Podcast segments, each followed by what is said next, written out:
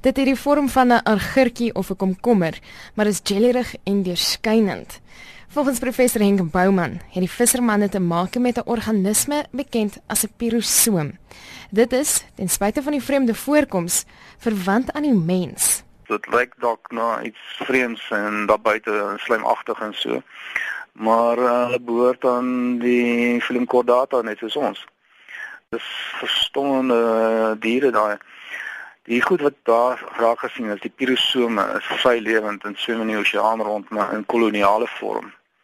En honderde van hulle kan dan of in bande of in 'n vingerhoed vorm dan saamkom en dan so rond beweeg en hulle vreet dan op uh, fitoplankton en so.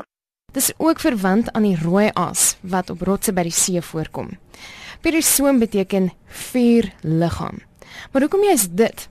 In 1849 het die bioloog Thomas Huxley in die aand op die diertjies afgekom terwyl hulle op die see was. Hier is wat hy gesê het. I've just watched the moon set in all her glory and looked at those lesser moons, the beautiful pyrosoma shining like white hot cylinders in the water. Nou ja, ek het nou nog ietsie by my bucket list gekry en dit wil ek ook nog graag sien. Die lig wat hulle afgee is egter nie 'n weerkaatsing nie. Hulle maak dit self. Hulle doen dit met bioluminescensie en daar's twee klein orgaantjies um, op elke diertjie. Kyk hierdie kolonies is van tientalle tot honderde individuele diertjies saamgestel wat uh, langs mekaar en te mekaar lewe. En die klein orgaantjies bevat bakterieë, biolumineserende bakterieë, bakterieë wat self lig afskei. En ons kry in verskillende verskillende diervorme kry ons dit.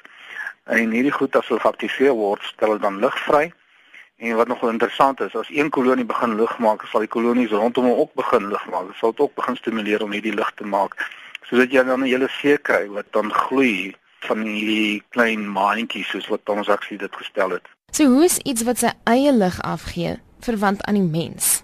Die koneksie is die noodtekort hulle almal noodtekorde, ons het ook noodtekorde. Of ten minste in ons uh, embriologiese ontwikkeling het ons noodtekorde wat nou 'n rand deel word van ons wêreldkolom. En hierdie hou dan so 'n stukkie en in sommige soos in die uh, rooi aas verdwyn dit hulle nie nodig nie dit is vas op die rotse. Maar in die lavale vorme het hulle 'n noodtekort. Dit is 'n kraakbeenagtige stafie wat in die organisme voorkom en onder andere sorg vir spieraanhegting. Die pirosome beweeg hoofsaaklik saam met seestrome, maar ook deur straalaandrywing. Hulle neem water aan die een kant in, filter hierdie water deur 'n slijmlaagie en dan spuit hulle weer die water uit. Nou die monde, die opening van hierdie eh, elke klein diertjie is nou buite en dan almal spuit dan die water uit na die binnekant toe, soms sê maar hierdie vingerhoed en saam vorm hulle dan 'n stroom wat dan die na rigting kan beweeg. Dit was 'n dierkundige aan die Noordwes Universiteit, professor Henk Bouman. Dit is ongewoon vir hierdie diertjies om voor te kom aan die kus tussen Suid-Kalifornië en die Golf van Alaska en die getalle neem glo toe. Nou wel wetenskaplikes glo dit is weens verhoogde see temperature en aardverwarming is dit onduidelik hoekom hierdie migrasie plaasvind. Ek is Marlene Forsie vir SAK nuus.